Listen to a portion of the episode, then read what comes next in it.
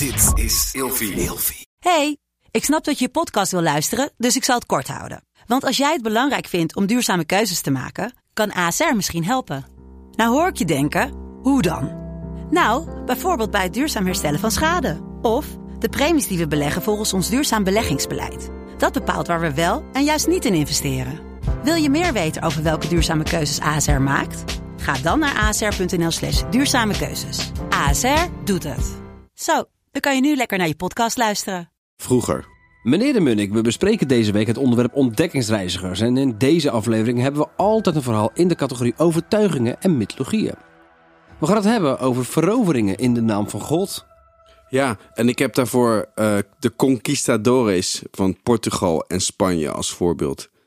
Wist jij dat de Filipijnen heten of zijn vernoemd naar koning Philips Nee, van Spanje? Ik wist niet eens dat het koning Philips van Spanje was. Ja, nou, Philips dus, die, eh, die gaf de order tot de christelijke expansie. Hij wilde het christendom over heel de wereld verspreiden. Hij was ook al nogal radicaal. Opdringen dus. Opdringen eigenlijk, ja. En onder andere de Filipijnen zijn dus door de Spanjaarden veroverd. Maar ik wil even me richten op Zuid-Amerika en Midden-Amerika, onder andere Mexico. Die, deze conquistadores, zoals Pizarro of Hernán Cortés, eh, ze waren enorm ja, avontuurlijk ingestelde Spaanse ridders. Die kwamen met een leger, kwamen ze in Amerika. En ze waren op zoek naar goud, naar rijkdom. Ze wilden allerlei specerijen hebben. En zogenaamd in naam van God kwamen ze het christendom verspreiden. Maar het ging ze natuurlijk meer om het legerover van die landen. Deze conquistadores namen een zeer ongenode gast met zich mee, namelijk Europese ziektes. Er zijn miljoenen Indianen, zoals de Azteken, de Maya's en de Inca's, zijn gestorven aan Europese ziekten.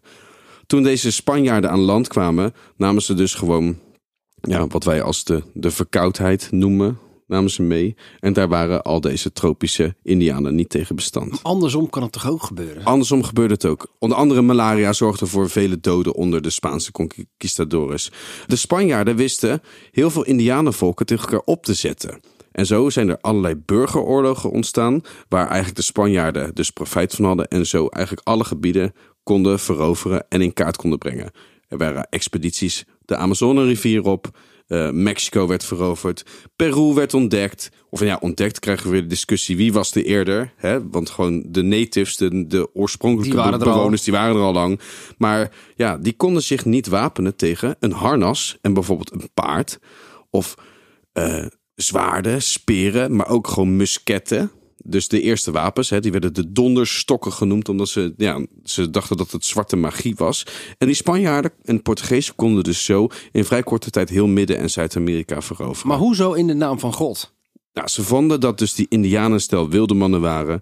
En eh, God had meer volgelingen nodig. Ze probeerden deze mensen te redden van de ondergang, omdat ze God nog niet hadden leren kennen. En zo hebben ze in naam van God eigenlijk heel Zuid- en Midden-Amerika veroverd. Tot morgen. Vroeger.